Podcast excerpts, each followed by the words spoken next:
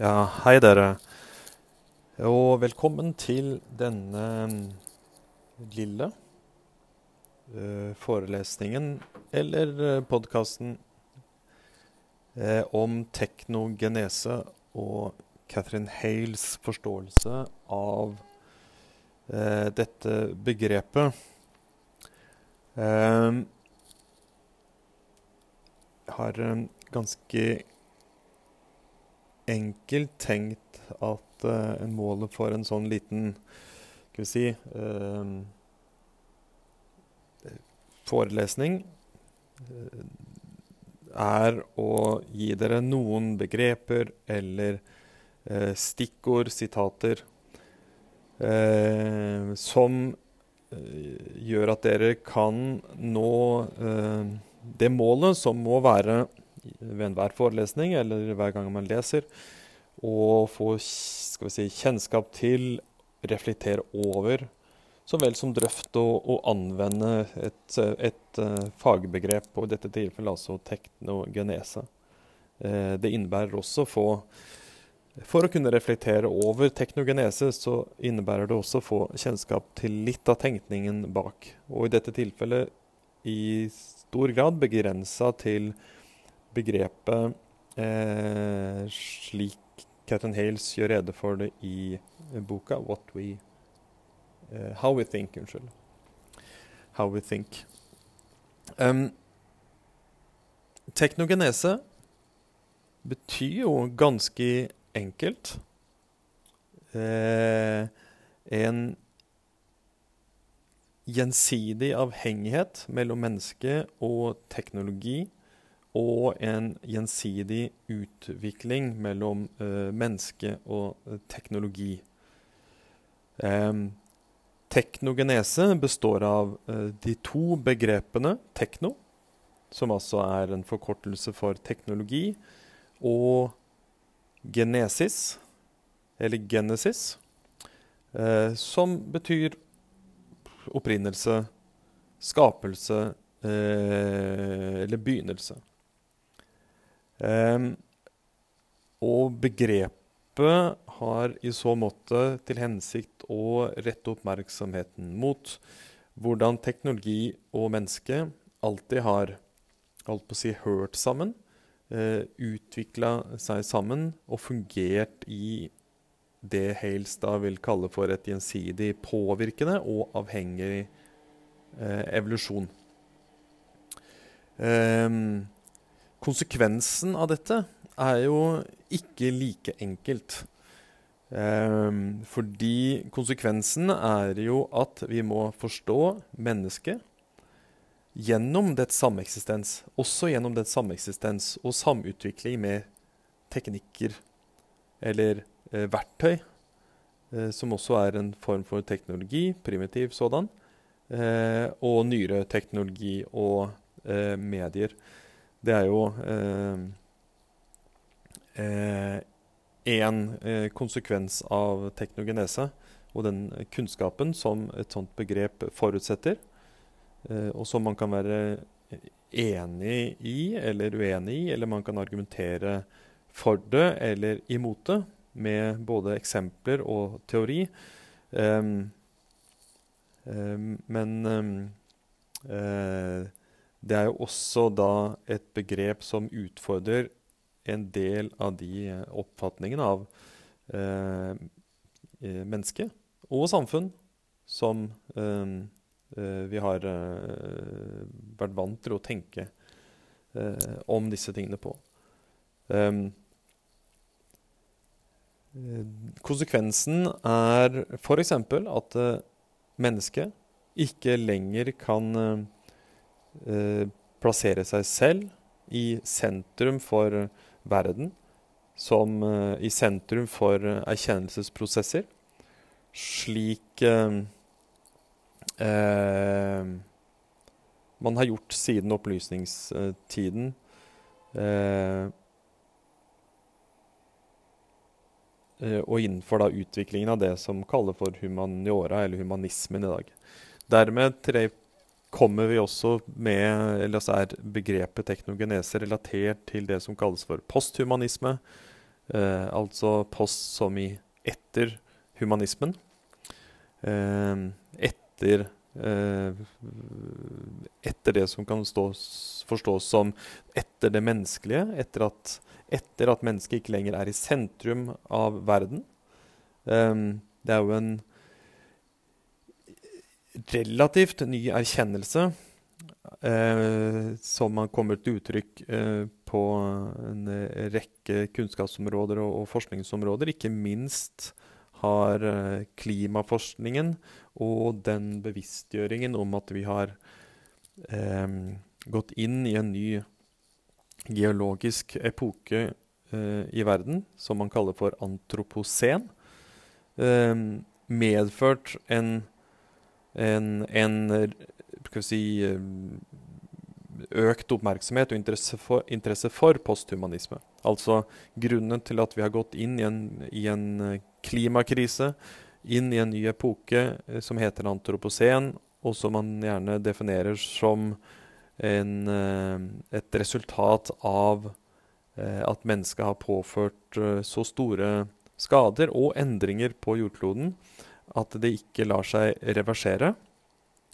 Um, det sier jo noe om at ved å plassere mennesket i sentrum av uh, jorden alene, så um, uh, har man også skapt et bilde av mennesket som plassert over uh, naturen og over teknologien som den dominerende vesenet um, på jorden. Um, og at det er det som har, ført, har vært med på å føre da, til den situasjonen vi har kommet til. Um, eh, sånn at antropocen og tenkningen omkring antropocen er også knytta til en eller annen form for posthumanisme.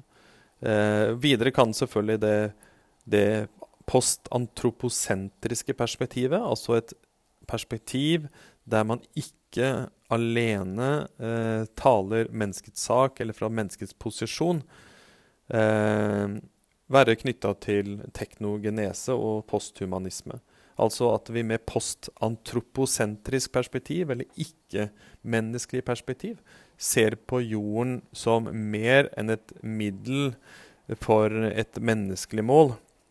Eh, men derimot ser på jorden som et, et, et, eh, et sted for hvor, hvor ulike dyre- og plantearter er eh, likestilte.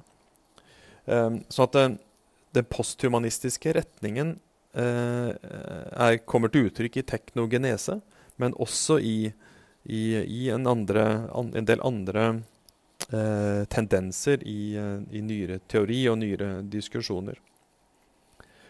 Um, når Hales, som jo vi skal diskutere eh, her, snakker om teknogenese, så er det med utgangspunkt i eh, noe hun bl.a. skriver i innledningskapitlet til, eh, til, How We Think, hvor hun jo peker på hvordan tanker og praksiser ved eh, eh, bokmediet, altså lesemåter, skrivemåter, eh, institusjoner, trykkerier, eh, distribusjon, eh, bokhandler, eh, undervisningssammenhenger og sånne ting, i stor grad har vært utviklet gjennom eh, et, eh, det dominerende mediet, bokmediet.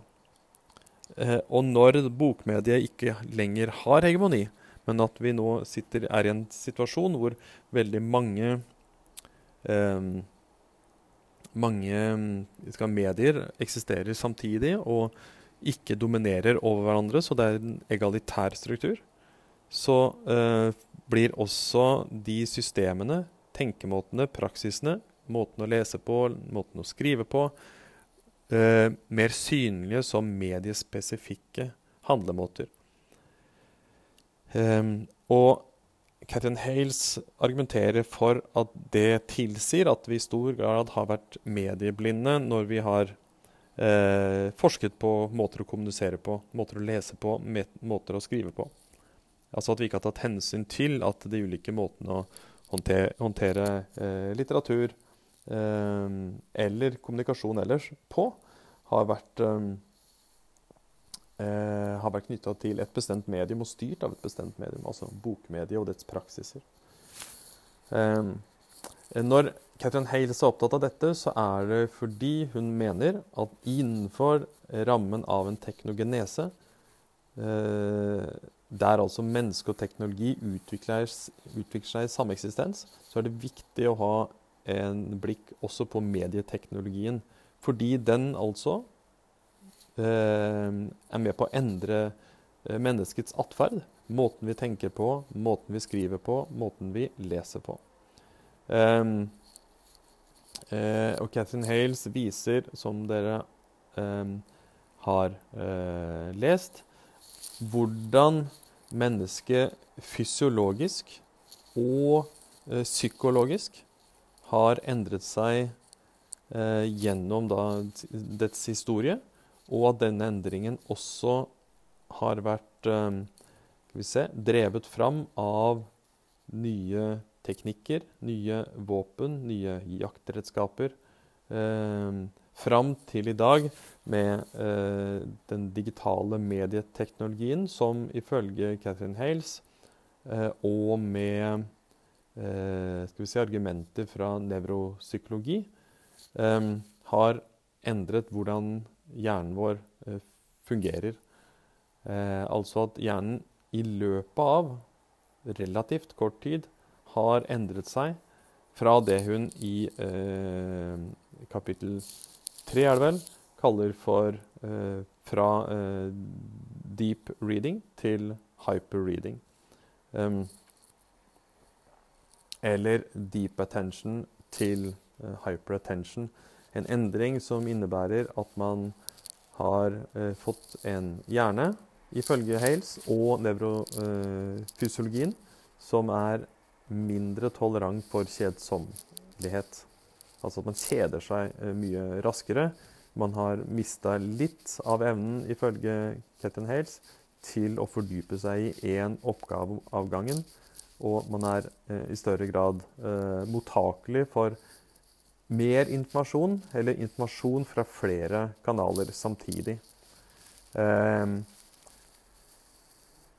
vi legger merke til her at når dere leser, dere, må dere se det at Catherine Hales egentlig ser på dette som en naturlig utvikling. Altså Hun er ikke normativ og sier at uh, nå går det nedover med lesekunnskapen til uh, ungdom. Uh, det er heller snakk om at hun ser på det som en endring som for Catherine Hales og innenfor dette perspektivet teknogenese må være naturlig. Altså Det naturlige er at man utvikler seg med de teknologier som man finner opp og utvikler ehm, eh, som en naturlig prosess. Um,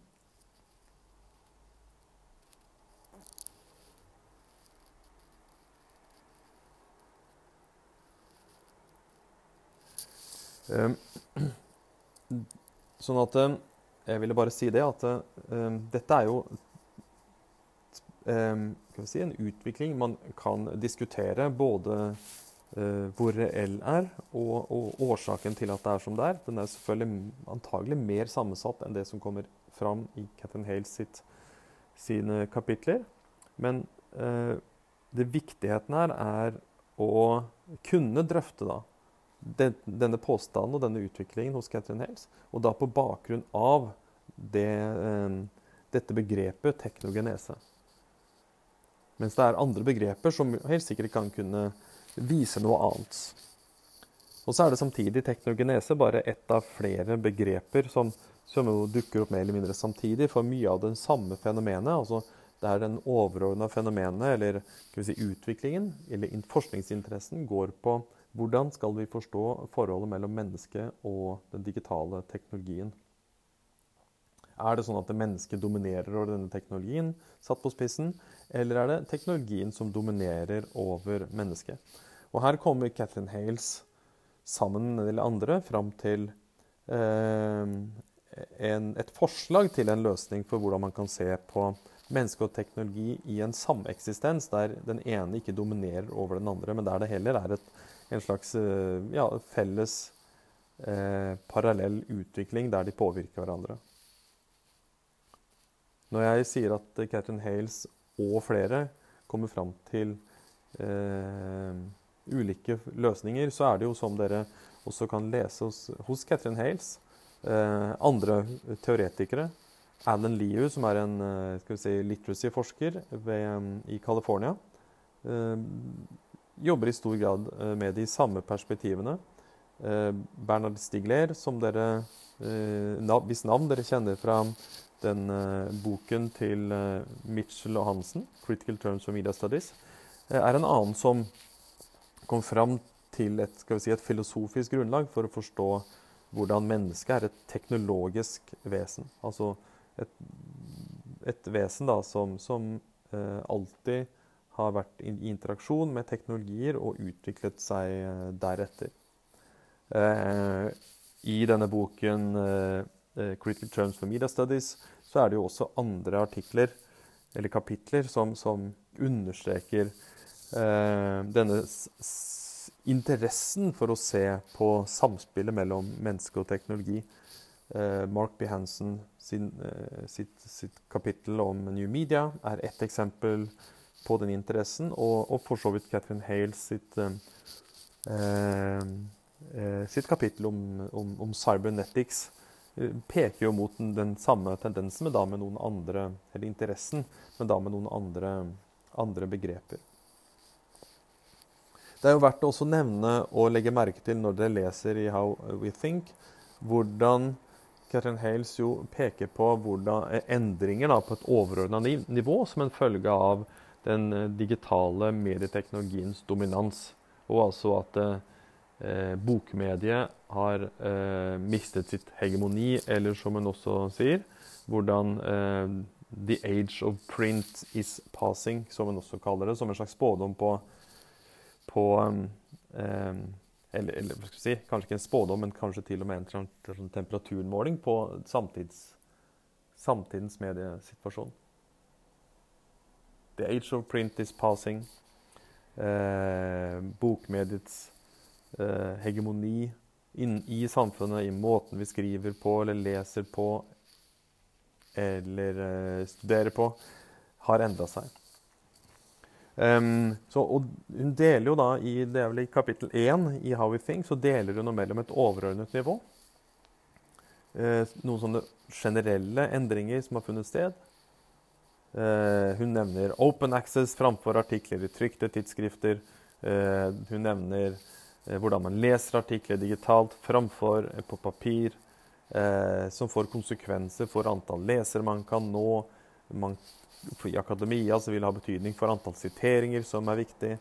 Eh, for en, både det som man kaller for en sosial og en vitenskapelig impact, altså påvirkning på det sosiale samfunnet og på forskningen.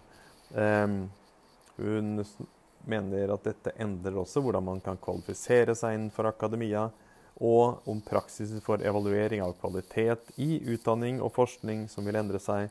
Eh, så enkelt som eh, at eh, vi har hatt forelesninger på, gjennom Zoom fordi si, klasseromsforelesningen eller undervisningen ikke er den dominerende lenger. Og nå hører dere på en, en innspilt um, forelesning fordi det har kommet inn som en måte å undervise på og tilegne seg kunnskap på eller formidle kunnskap på Eh, som er endret som en følge av den digitale eh, medieteknologien. Eh, hun nevner jo videre, og vi vet om disse tingene, altså lagring av datamateriale vet vi at har endra seg. Det får også betydning for tilgang og organisering av data og materiale. Altså hvordan vi kan få tilgang til mer eller noe spesifikt. Eller hvordan vi organiserer materialet annerledes enn vi har gjort innenfor et kall det bokregime. Eh, bare digitalisering av bøker, f.eks. Googles, Google, sitt, unnskyld, Google sitt eget prosjekt om å digitalisere eh, bøker, er et eksempel på, på hvordan en del si, strukturer har endra seg. Så vet dere kanskje at Google jo for et par, tre, fire år siden måtte avslutte det prosjektet om å gjøre alle, alle, alle bøker mer eller mindre tilgjengelig gjennom, gjennom sin egen plattform. Ganske enkelt fordi de begynte å bryte en del copyright-lover. Men vi ser det jo f.eks. i bokhylla.no, Nasjonalbibliotekets digitale digitaliseringsprosjekt, der man innenfor lovverket selvfølgelig gir tilgang til en haug av litteratur som man ellers ikke hatt tilgang til. Ibsen-databasen eh, eh, er et annet eksempel på det. Og hvordan man kan få tilgang til informasjon om Ibsen, uavhengig hvor man er, fordi det ligger på nett.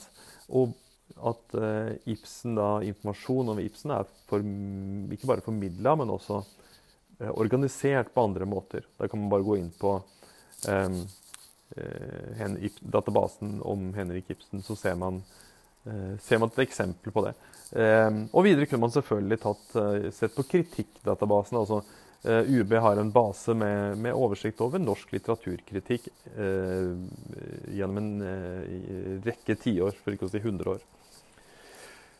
Um, så det, Poenget til Hales er jo at det finnes en del på en overordna, helt sånn eh, basale strukturer i samfunnet som har endra seg som en følge av Eh, den digitale medieteknologien.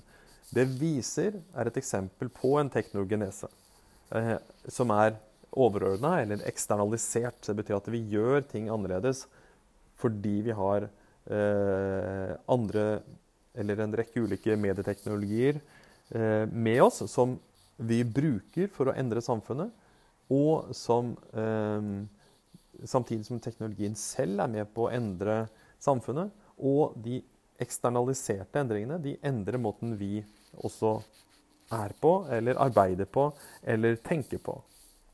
Så man har en vekselvirkning fram og tilbake. Og den, det er et uttrykk for en form for teknogenese som ikke knytter seg til menneskekroppen, men til menneskets omgivelse. Eh, den er mindre dramatisk og lettere å forstå. Derfor er egentlig mange av de eksemplene som Catherine Hales kommer med i kapittel 1, eh, si, nesten eh, altså, veldig selvfølgelige. Og tilsvarende de eksemplene som jeg har nevnt for deg nå, de er jo selvfølgelige. Um, de må bare tenke på dem. Og så må man tenke på hva betyr det at man får en sånn vekselvirkning mellom endringer av teknologi og endringer av samfunnsstrukturer og rutiner for måter å, måter å løse arbeidsoppgaver på. Eh, og én eh, tanke som da kan bli sådd, det er at ok, er ikke dette et eksempel på at teknologi, medieteknologi i dette tilfellet, og samfunnet, eh, menneskelig måte å være på, arbeide på, utvikler seg i en helt naturlig og egentlig selvsagt eh, samspill. Og hvis du svarer ja på det, så er det et eksempel på teknogenese, fordi teknogenese kan defineres rett og slett som et samspill mellom menneske og eh, teknologi. Derfor sier også eh, um, uh, Catherine Hales skriver hun på side 10 f.eks.: The idea that humans and techniques have co-evolved together. Som en definisjon på teknogenese. Eller som hun sier allerede på side 1 We think through, with and alongside media. Det er et kort sitat, men det er veldig signifikant, for ikke å si pregnant. Og det er et uh, sitat som dere kan ta tak i hvis dere vil, eh, og diskutere. Hva betyr det? Hva betyr det? Hva innebærer det at vi tenker gjennom, med og ved siden av eh, medier, medieteknologier eller medier? Eh, hva er de kortsiktige eller overfladiske eh, konsekvensene av det? Hva er de mer eh, langsiktige og mer sånn inngripende eksemplene konsekvensene av dette her? Og så kan man jo selvfølgelig komme med eksempler og konkludere, og dermed har man gjort en vitenskapelig drøfting av det sitatet og det sitatets relevans.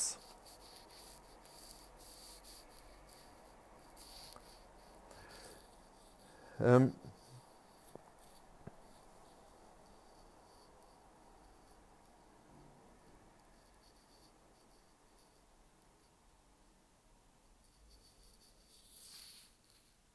Um, jeg tenker um, Vi kan um, prøve å oppsummere uh, kort eh, teknogenese, eh, og for så vidt det posthumanistiske. Det å peke på på den ene tingen, på den ene, post, på den ene siden, unnskyld, på den ene siden posthumanisme innebærer at mennesket ikke lenger kan anse seg selv som i sentrum av verden, som i sentrum for kunnskap, eh, kunnskapsutvikling. Det er den humanistiske ideen, som også har blitt utfordra av en posthumanistisk idé. Der man for teknogenesens del, som er en posthumanistisk idé, en av flere, um, vil si at mennesket og teknologien står i sentrum i verden. Altså som den som både verden er skal vi si, om ikke skapt for, så i hvert fall den som er, driver verden framover. Uh, og um, også kunnskapsutviklingen framover. Det er jo en filosofisk uh, tilnærming til forståelsen av mennesket og verden, og forholdet mellom menneske og teknologi. Eh, for eh, de av oss som er interessert i analyser også, altså for å finne eksempler på hvordan teknogenese kommer til uttrykk i kommunikasjonsmåter, i teorier, eh, i refleksjoner om menneske og samfunn, så kan man si at man kan finne teknogenese eh, reflektert i temaer eh, i, kunst og litteratur, f.eks. Man kan finne den formmessig, hvis man vil. Eh, og man kan finne det på en del ulike medienivå. Tematisk så er det lett å tenke seg at eh, Frankenstein må være et tidlig eksempel på en posthumanistisk tenkning og kanskje en teknogenese. Ikke i selve utviklingen, men eh, hvis man tenker seg at det dr. Frankenstein gjør, altså å uh, skape et monster som, som plasserer han i, i, i, i, Guds stol, eller i Guds stol Nei, i sko, eh, så kan man også si at eh, Frankensteins monster er jo et eksempel på et eh, menneske eh, og en teknologi samspill. Altså menneskelige, naturlige og eh, vitenskapelige eh, eh, diskurser som samarbeider. Ellers ville jo ikke Frankensteins monster kunne blitt skapt. Så det er på en måte et resultat av et menneskelig og teknologisk aktivitet. I form så kan vi f.eks. tenke oss hvordan eh, Aliens-filmene, altså eller dels science fiction-filmer, jo demonstrerer hvordan eh, menneske og teknologi for Bessie kan, eh, kan sameksistere. Og det er jo vanskelig å ikke tenke på eh, Westworld-serien, TV-serien Westworld, som et eksempel på en serie som jo demonstrerer helt eksplisitt ikke bare forholdet mellom menneske og teknologi, men i det hele tatt teknogenese eh, som en samfunnsutvikling. Altså hvor eh, Eh, rett nok kanskje med en viss normativitet, men, men, altså i forståelsen eller vurderingen av noe, en utvikling som god eller dårlig. Men der man jo nettopp demonstrerer hvordan en menneskeutvikling og en teknologisk utvikling går eh, hånd i hånd, da, som jo er også grunnlaget for eh, for eh, teknogenese.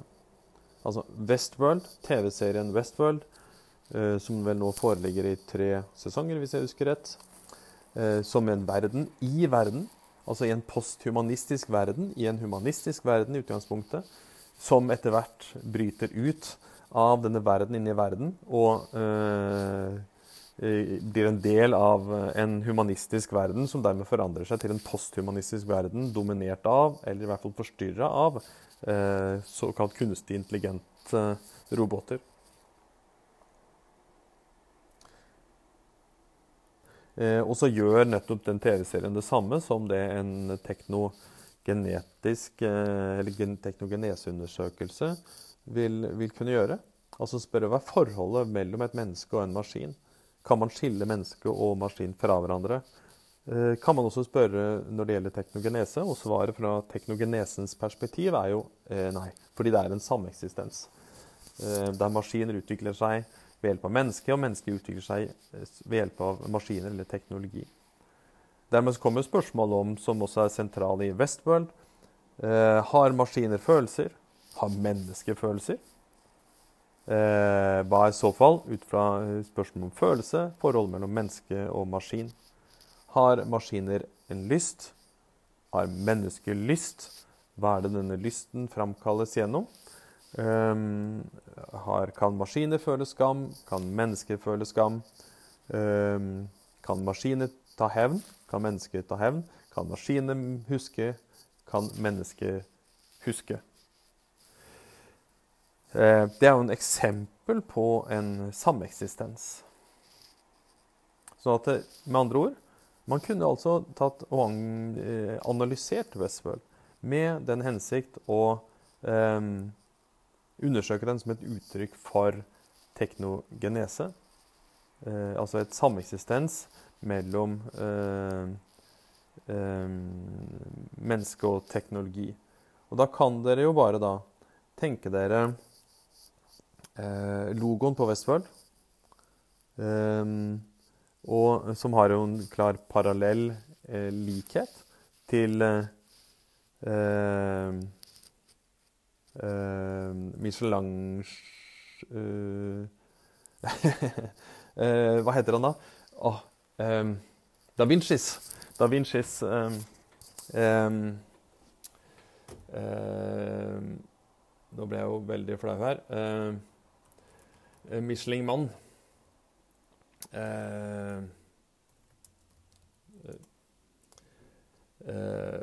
som heter selvfølgelig Eh, ja, dere må jo bare unnskylde meg. Uh, eh, ja, dere, dere finner framtiden. Og hvis jeg kommer på det plutselig nå, så skal jeg selvfølgelig si det. Jeg beklager, beklager den avbrytelsen. Eller forglemmelsen. Um,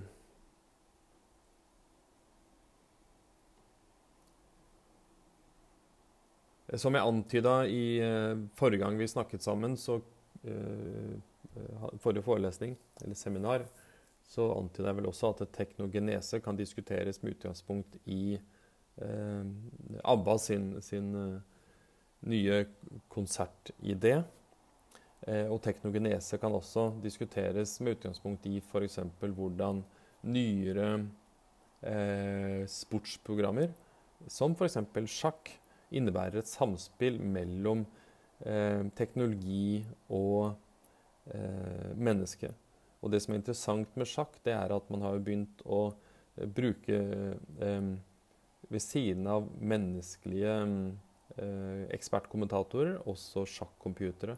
Det er sjakkcomputeren som eh, blir både framstilt som en ekspert, som likestilt med mennesker, hvis ikke stilt høyere og mer troverdig i, i hvert fall i sin formidling av matematiske sjanser for eh, hvem som til enhver tid kan vinne, enn det en menneskelig ekspert, en sjakkekspert, har, har, eh, kan, kan, kan, spå og analysere.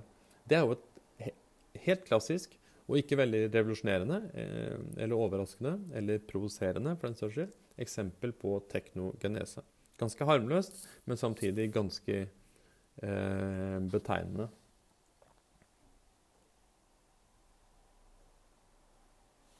Um, uh, og så kan dere altså um, bruke uh, Catherine Hale sine begreper. Um, dyplesning, eller dypoppmerksomhet, deep attention, eller hyperlesning, eller hyperreading, hyperattention, og maskinlesning som et eksempel på teknogenese, i den forstand at disse tre begrepene jo alle er til stede i digital lesning. Altså man kan analysere lesningen som en menneskelig og teknologisk aktivitet um, gjennom disse tre begrepene hyper, deep og machine reading. Det er altså et eksempel på en uh, teknogenese som heller ikke må anses som så veldig kontroversiell.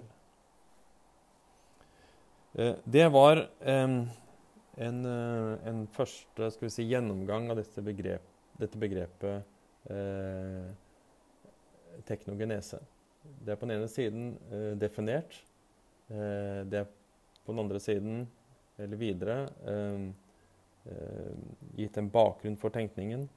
Og så har jeg gitt noen eksempler. Og så tenker jeg at det som ligger i kjernen av dette begrepet som en konklusjon på denne første eh, forelesningen, det er at eh, en, en, måte å analysere samfunnsutviklinger på, en måte å analysere eh, sjangerutvikling på, en måte å analysere utviklingen i måten man kommuniserer med hverandre på, eh, kan analyseres ut ifra et teknogenetisk perspektiv, der man også ser menneske og teknologi, som, og medieteknologi i dette tilfellet, som sameksisterende og som likestilte i utviklingen av eh, det man studerer, om det er sjanger eller kommunikasjonsmåte eller samfunnsstruktur, der disse påvirker hverandre. Eh, ja, takk så langt. Denne andre eh, forelesningen, da skal vi ganske enkelt se på Ingvarsson sin, eh, sin artikkel om digital epistemologi. Eh, og den artikkelen er lagt opp sammen med eh, Catherine Hales sin teknogenese-tenkning, eller eh, de kapitlene i, eh, i, How We Think. Fordi eh, en konsekvens av teknogenese, det er å og, og, eh, også se nytt på epistemologi. Altså måten vi både lager kunnskap og forståelsen av hva kunnskap er. Epistemologi betyr um, erkjennelsesteori. Eller en kunnskapsteori. Altså teori om kunnskap.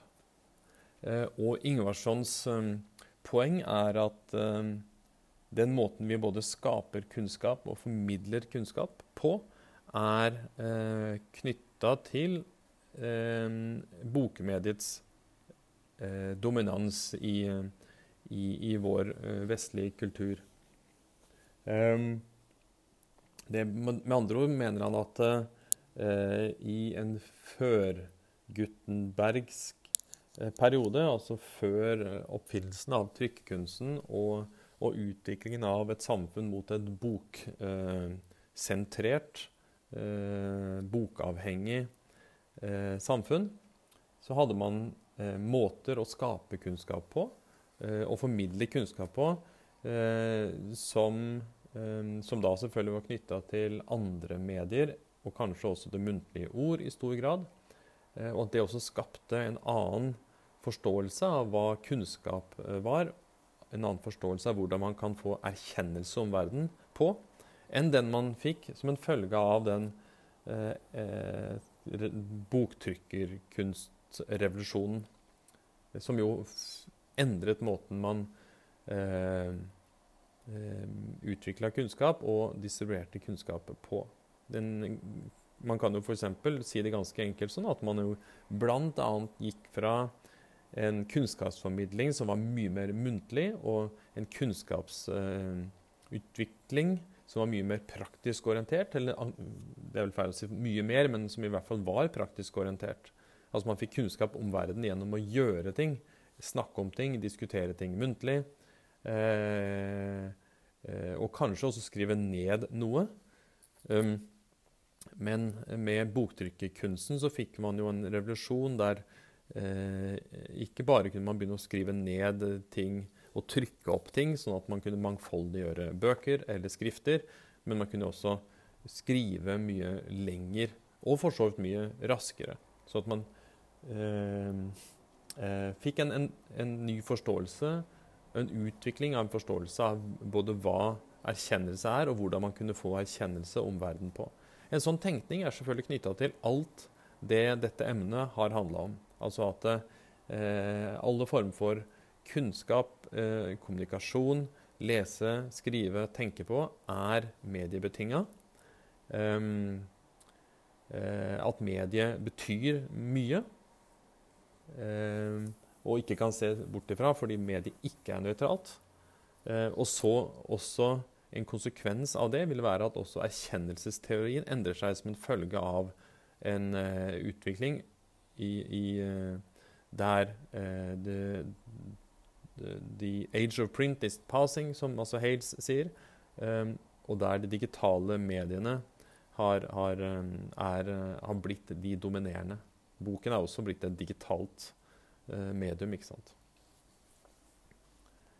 Sånn at med uh, digital epistemologi så mener eh, Jonas Ingvarsson at uh, vi har å gjøre med en tankeform, en måte å tenke på altså, som reflekterer bestemte syn på kunnskap og kunnskapsproduksjon.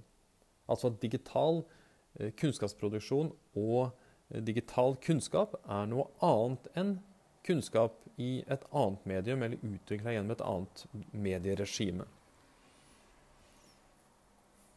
han baserer seg jo på eh, en rekke selvfølgelig teoretikere, hvorav Balsamo er en av dem. Og han siterer Balsamo, eh, som har hevdet følgende, og dette er et eh, sentralt sitat, derfor eh, tar jeg det med her også. Eh, Balsamo skriver Fundamentally, we need to stop thinking about new digital technologies as the channels through which education is delivered, and instead explore the way in which these technologies are implicated in the reconfiguration of knowledge production across domains of human culture. The aim, then, is to take these insights as the basis for rethinking structures and pedagogy pedagogies, pedagogies within formal educational institutions. Eh, ja, og Hadde vi nå sittet rundt et bord, så hadde jeg spurt dere hva er det Balsamo mener med dette? Hvordan kan vi forstå dette sitatet? Eh, jeg kan spørre, men jeg får jo ikke noe svar. Men jeg kan forsøke meg eh, på et svar. Eh, Først og fremst så sier han jo at eh, man ikke lenger kan tenke på de digitale teknologiene som en kanal, altså som et nøytralt medium, eller som nøytrale medier, medieplattformer, som man kan eh, levere kunnskap eh, og utdanning på. Hvis vi stopper der, så betyr det Det betyr at mediet alltid er av betydning, og det vet vi fordi vi nå har vært borte i McLuhan eh, en rekke ganger, og f.eks. Kitler en rekke ganger, eller Hales en rekke ganger. Det vet vi. Konsekvensen av det er at også utdanning, som er det stedet hvor man jo skaper erkjennelser, må eh, ta inn over seg at måten vi formidler på Om det er sånn at vi står i et klasserom med en powerpoint, altså som er et eksempel på en en, en, form for udramatisk eller helt overfladisk teknogenesesituasjon, fordi utdanningen, forelesningen, seminaret dermed både er eh, digitalt og analogt på, på, samme tid. Leveres av et menneske og leveres av en powerpoint-presentasjon. At det er en situasjon som er annerledes enn om det ikke hadde vært en powerpoint-presentasjon der. Og den er, hvis man følger dette første tre linjene av dette sitatet, så må man også si at ehm, eh, eh, den erkjennelsen av et fenomen, altså epistemologien, den blir også annerledes. Og Så kan vi gå til denne situasjonen, hvor dere lytter på et digitalt medium, kanskje en, en telefon, kanskje på en datamaskin, eh, av eh, meg som da foreleser om digital epistemologi. Og så må man si at dersom det er sant som Balsamo og alle de andre teoretikerne vi vel har støtt på i dette emnet, sier, at media er av betydning, media er ikke nøytralt, så betyr det at også denne formen for forelesning er en digital forelesning som blir annerledes fordi eh, vi eh, har med å gjøre med et medium som formidler eh, og ikke er nøytralt.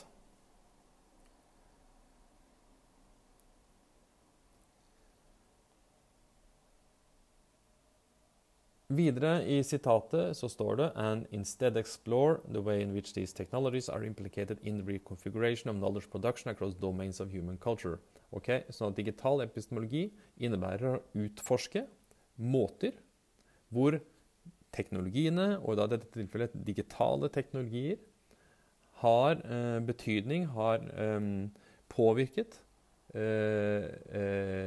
rekonfigureringen, altså både skapingen og omformingen av kunnskap gjennom eh, ulike aspekter ved menneskelig kulturen. Så digital epistemologi er med andre ord en epistemologi som er mediebevisst og medierefleksiv, altså der man også undersøker hvordan medier spiller inn på kunnskapsproduksjonen i f.eks. utdanningssammenhenger. The aim then is to take these insights as the basis for rethinking structures and pedagogic, pedagog, pedagogies Virkelig et vanskelig ord, dette her. Pedagogies within formal educational institution. Altså Målet er altså å ta med seg den innsikten man får ved å undersøke teknologienes eh, implikasjoner på kunnskapsproduksjon. Ta det, den kunnskapen med seg inn i, i, i å eh, eh, Eh, i å reflektere over da eh, skal vi si, både pedagogiske metoder og strukturer i den formelle utdanningsinstitusjonen. Det er de tingene som står, det er de tre aspektene kan vi si, som vi kan dra ut av eh, det, det sitatet. Hva betyr det for denne settingen? Jo, det betyr jo for så vidt noe som man kan være kritisk til. Vi har å gjøre med et digitalt medium. Uh, I dette tilfellet en, en podkast-app som jeg har brukt for å spille inn på min eh, mobiltelefon. Um, uh, dere sitter med deres bærbare eller stasjonære datamaskin, telefon, lesebrett og kanskje også en powerpoint. Um, og likevel, kan dere si, så foregår denne kunnskapsproduksjonen som en forelesning, altså ganske lineær. Som om jeg hadde stått uh, bak en, en taburett og lest opp et uh, manus. Dog med den forskjellen at dere måtte kunne sett meg, og jeg kunne sett dere. Så det er noen betingelser som er annerledes, men det er ikke bare de betingelsene som denne rekonfigurasjonen eh, av kunnskapsproduksjon innebærer. Den innebærer også kun selve kunnskapsproduksjonen. Altså at mediene setter nye vilkår for kunnskapsproduksjon. Og i dette tilfellet digital, betyr det at digital epistemologi innebærer at de digitale mediene setter nye vilkår for eh, kunnskapsproduksjon. Erkjennelsen. Erkjennelsen av verden. Hvordan vi lærer, hva vi lærer. I i uh, Ingvarssons uh, sitat, uh, unnskyld, artikkel så er det et par andre sitater som jeg har lyst til å trekke fram. Um, hvis dere f.eks. ser på side 49 i den artikkelen, så skriver Ingvarsson Grunntanken er at de digitale verktøyene og uttrykkene vi omgir oss med, innebærer et radikalt skifte i hvordan vi oppfatter og håndterer den informasjonen som vår uh, omgivelser består av. Stopper der. Ok, De digitale verktøyene og uttrykkene igjen, de er altså ikke nøytrale, uh, men at de innebærer ifølge uh, Ingvarsson et radikalt skifte i hvordan vi oppfatter og håndterer omgivelsene våre. All den informasjonen vi ser omkring oss. Den, den, den informasjonen den kommer til oss som erkjennelser, kunnskap, ikke sant? og vi forholder til, eh, oss til den på en annen måte. Pga. digitale eh, mediene. Um, hva ville vært et eksempel? Jo, det kunne jo f.eks. være at vi går rundt i en ukjent by, og hva er det vi skal gjøre? Um, hva er det vi gjør når vi går rundt i en, en, i en by? Jo, vi kan dra fram et kart. Et papirkart, stort eller lite. Og så Eh, se på kartet og så orientere oss i bybildet eller i omgivelsene deretter. Vi kan gå på egen hånd, altså kun bruke kroppens sanser uten andre hjelpemidler. Eh, og utforske et nytt område og få kunnskap, erkjennelse om eh, dette, området, omgivelsene, kun ved hjelp av kroppen som et medium. og sansen, da, selvfølgelig. Eller vi kan, som nok de aller fleste gjør i dag, eh, bruke en mobiltelefon og f.eks. Google Maps. De, det er tre fundamentalt forskjellige måter å få kunnskap om eh, nye omgivelser på. Um, der eh, hvordan Det er ikke bare hvordan vi får kunnskap om omgivelsene, men også hva slags kunnskap vi får, hva slags forståelse av omgivelsene vi får, vil være forskjellig. Det er konsekvensen av digital epistemologi eh, og for så vidt teknogenese. Og det er det som står i den første delen av dette sitatet. Det er radikalt skifte i hvordan vi oppfatter og håndterer den informasjonen som vi får fra omgivelsene. Videre, andre halvdel av dette sitatet, på side 49, så skriver Ingvarsson konsekvensen av dette burde være at vi må finne nye måter å kommunisere vår kunnskap om verden på.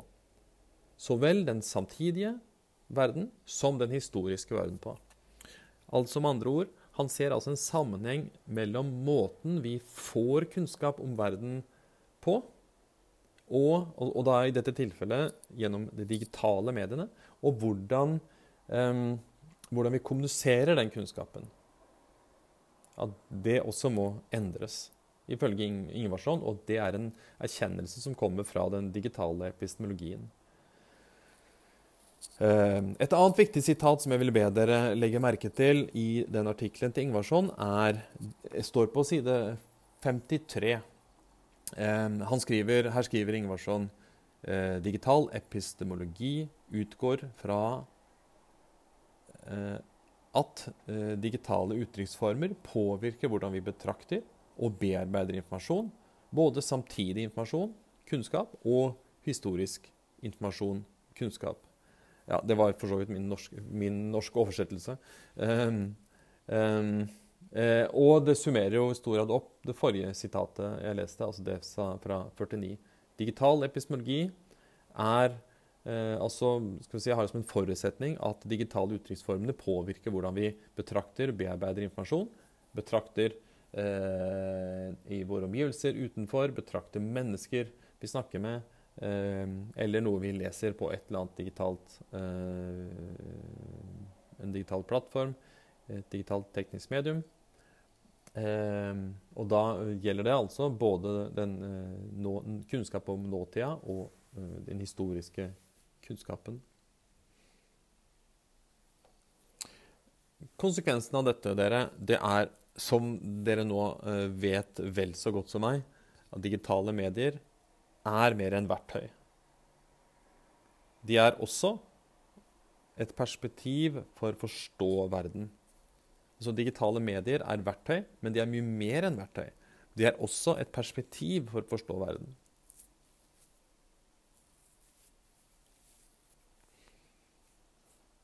Og når Balsamo og Ingvarsson ønsker å rette et nytt eh, søkelys mot epistemologi eller erkjennelsesteori, hvordan vi erkjenner verden, og hvordan vi erkjenner verden annerledes gjennom ulike medier, og hvordan de ulike mediene spiller inn på hvordan vi får erkjennelse av verden på, så innebærer jo det at de også knytter an til en eh, tenkning som vi finner hos Bolter og Grusin. Fordi hva er det Bolter og Grusin sier? Jo, at alle nye medier er remedieringer av gamle medier. Ikke sant? Hva er det Ingvarsson og Balsamo sier? Jo, og for så vidt Ketrin Hales også. Eh, jo, at de eh, praksisen som vi har i digitale medier i dag, f.eks. hvordan vi formidler kunnskap, det er praksiser eh, som er remedieringer av gamle praksiser. Hva betyr det? Jo, la meg gå tilbake til denne forelesningen. Jeg foreleser som om det ikke er et medium imellom her, som gjør at det, eh, det er i stor grad en remediering av en, den digital forelesning av en Eh, som er, som er en remediering av en eh, tradisjonell forelesning.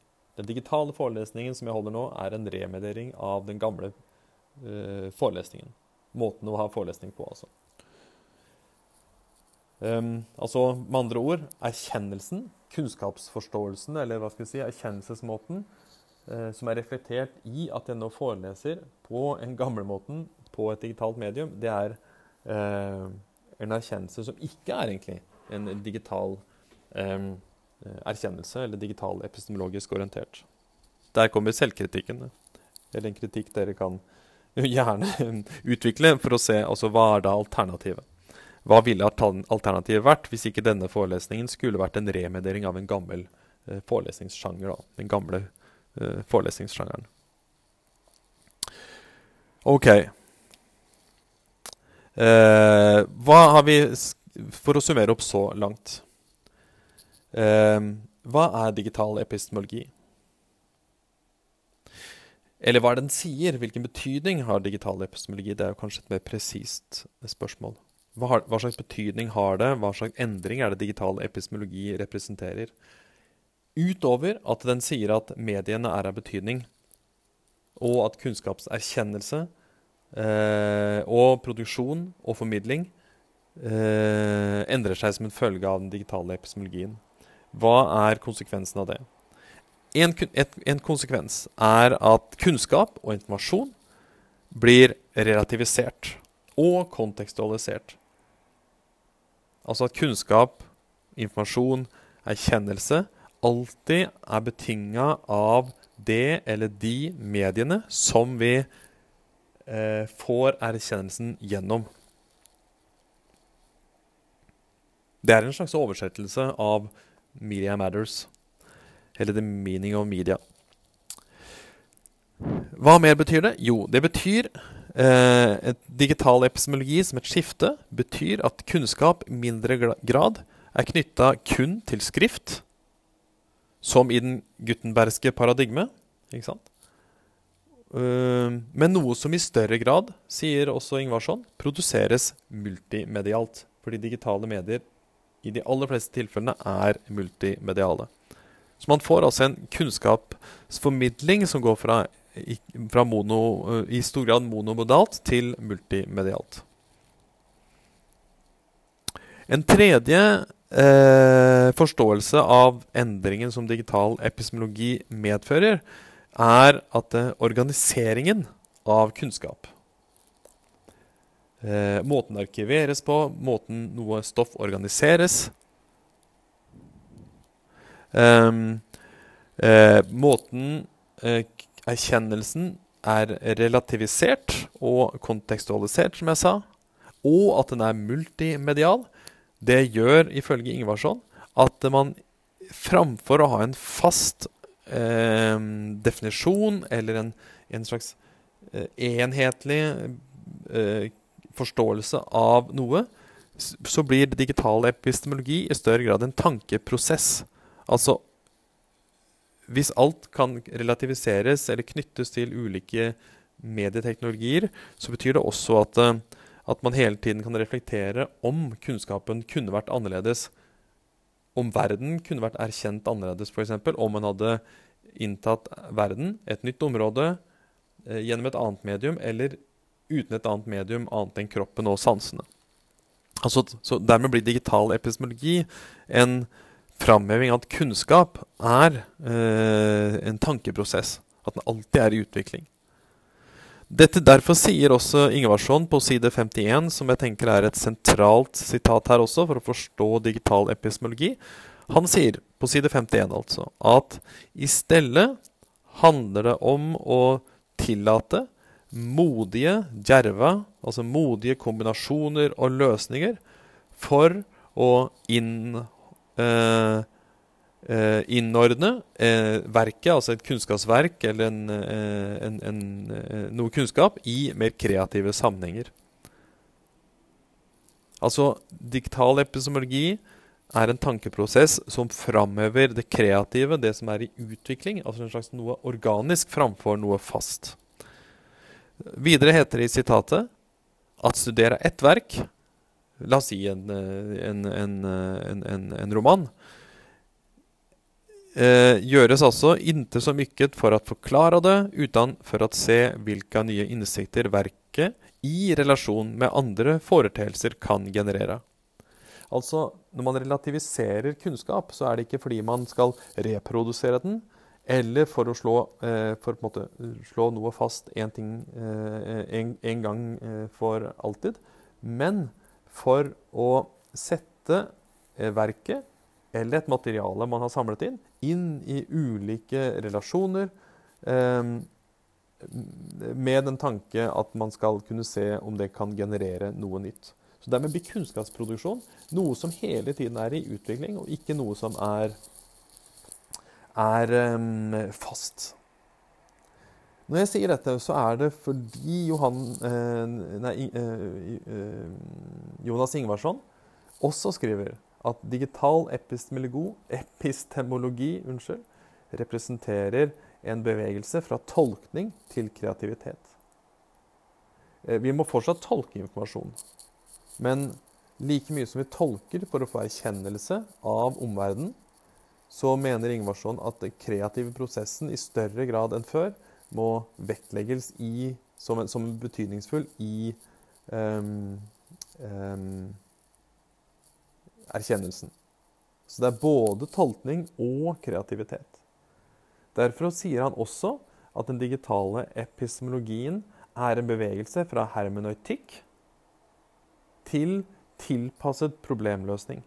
Altså han ønsker, han mener at den digitale epistemologien innebærer at vi, har en, vi, vi eh, har noen modeller for forståelse av erkjennelsen av verden. Måten vi får kunnskap om verden, hva kunnskap om verden er. At den eh, i framtida vil handle mindre om å finne de faste, stabile svarene, men hele tiden eh, utvikle løsningene, svarene, i møte med nye problemer. Derfor snakker han også om fra fortolkning til innovasjon, altså hele tiden nyskaping. Det er, det er måten Ingvarsson altså definerer eh, digital epistemologi på. La oss komme med noen eksempler utover de eh, jeg allerede har kommet med. Tenk dere f.eks. et leksikon. Et leksikon er en måte man kan gå til eh, for å få en erkjennelse av noen. F.eks. hvis vi vil vite hva lyrikk er. Da går man til et, eh, et, eh, til et um, leksikon, og så slår man opp i leksikonet, og så um, kan man f.eks. lese eh, lyrikk. Og dette er en tekst dere kan lese hvor som helst. Fred. Da står det gjerne ordet lyrikk, oppslagsordet, i parentes av gresk lyra, uttales lyre, parentes slutt, opprinnelig sangbar diktning, en av de tre store sjangrene. Ved siden av epikk og drama. En kort og subjektivt farget tekst på et fast versemål, eller på frie vers som inneholder et språklig betydningsoverskudd. Lyrikk på prosa kalles enten prosadikt eller lyrisk prosa. Og så kan det selvfølgelig komme en lengre, lengre tekst. Eh, poenget her er at med leksikon i bok så får man en bestemt organisering av kunnskapen på. At lyrikk står uh, i alfabetisk organisert um, um, på under L. Den står i en helt bestemt og ofte fast um, kontekst.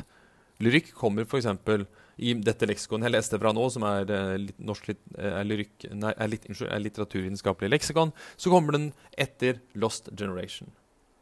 Og i en annen, i en annen leksikon vil det kunne komme etter eller før noen andre begreper enn her, selvfølgelig. Men poenget er at i denne boka så står den fast. Og i alle bøker, stort sett, så er, er det standardisert at leksikon uh, er, um, er uh, organisert i alfabetisk. Fordi det passer best for boka. Fordi boka er et statisk eh, medium. Så det er jo en måte å få erkjennelse om hva lyrikk er, og det er en måte å formidle hva lyrikk er. Hvordan vil en, eh, dette kunne tilsvares eller utfordres digital, i, i, digitale medier? La oss se på eh, eh et eksempel som poesisky. Og jeg har en, eh, laget en powerpoint. Uh, den ligger der som et, uh, slide i, i, i, powerpointen. Poesisky, som er en dansk ordsky med definisjoner innenfor den samme eh, samme eh, tematikken, altså omkring lyrikk. Eh, så har man ord som er uthevet ulike, på ulike nivåer, der noen ord er mer framhevet enn andre. Framhevet kanskje fordi de anses som viktige, f.eks. lyrikk, poesi, prosa eh, er framhevet mest. Deretter samtidspoesi, sentral lyrikk, intermedialitet som mindre. Eh, enda mindre, litt mindre skrift igjen, økopoesi, muntlighet, oppriktighet osv. Og, så og enda mindre ABC-lyrikk, medisinpoesi, bokobjekter osv.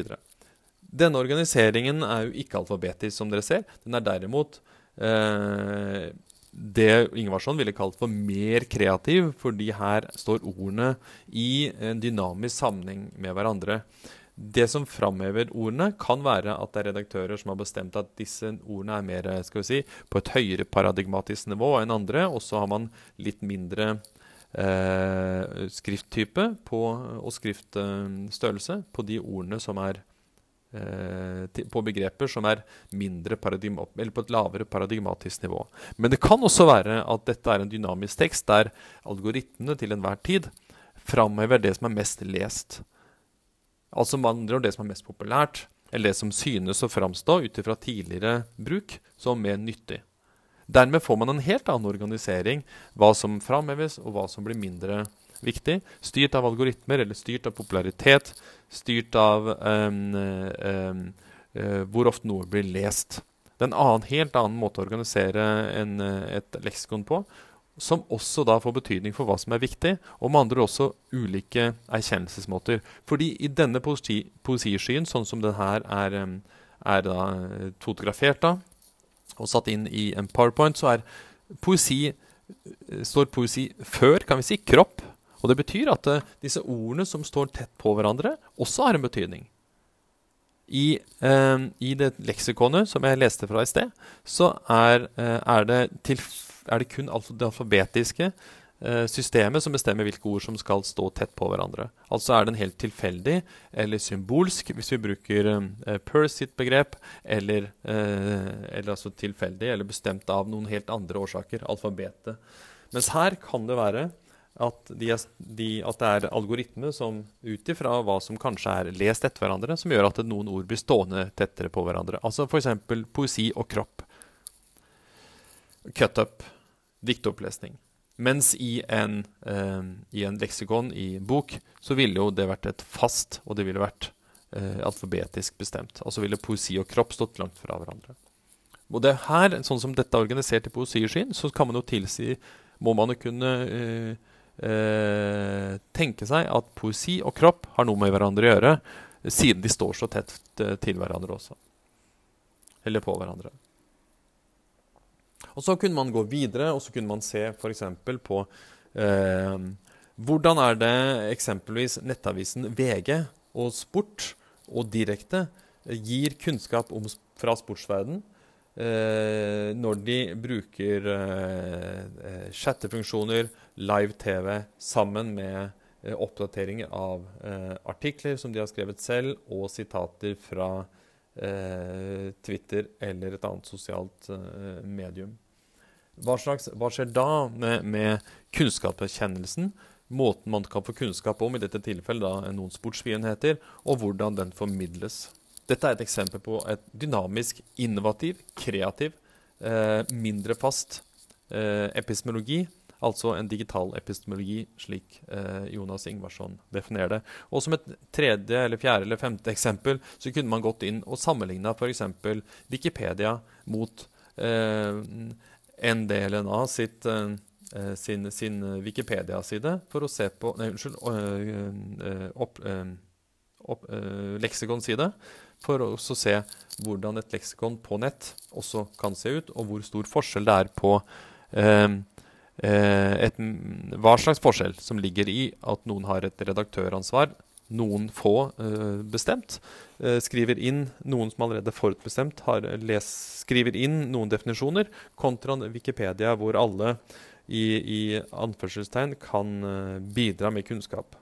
Der er det også et redaktøransvar, men, men det er helt annerledes organisert enn, med, eh, enn på en del av. Og med bakgrunn i det så kan man også spørre et helt åpent, uh, utforskende, nysgjerrigdrevet spørsmål. Hvilke uh, epistemologiske betingelser, vilkår, reflekteres i ndla.no, sin uh, nettside eller leksikon, til sammenligning med Wikipedia sin eh, leksikon. Eh, organisering eh, og måten å presentere og gi kunnskap og erkjennelse på. Um, og helt til slutt så tenker jeg at uh, nå har vi snakket om digital epistemologi som, som et, uh, et, viktig, men kanskje også vanskelig, men forhåpentligvis klargjørende begrep. Er det relevant å bruke i masteroppgaver? Ja, uh, det vil jeg mene at det er. F.eks. så er det relevant å se på eh, eh, digital epistemologi knytta til eh, utdanning. Om det måtte være i grunnskolen eller i høyere utdanning. Eh, om man skulle bruke Digcom som et eh, eksempel på et, et, studieobjekt i en masteroppgave, eller om man skal bruke en, en, en skoleklasse. Videre så er det klart at kunnskapsbedrifter i det hele tatt, bibliotek, museer um, Den, den kult, kulturelle skolesekken um, um, eller forlag som, som, som opererer på ulike plattformer for å skape kunnskap, fagtekster, blogger, um,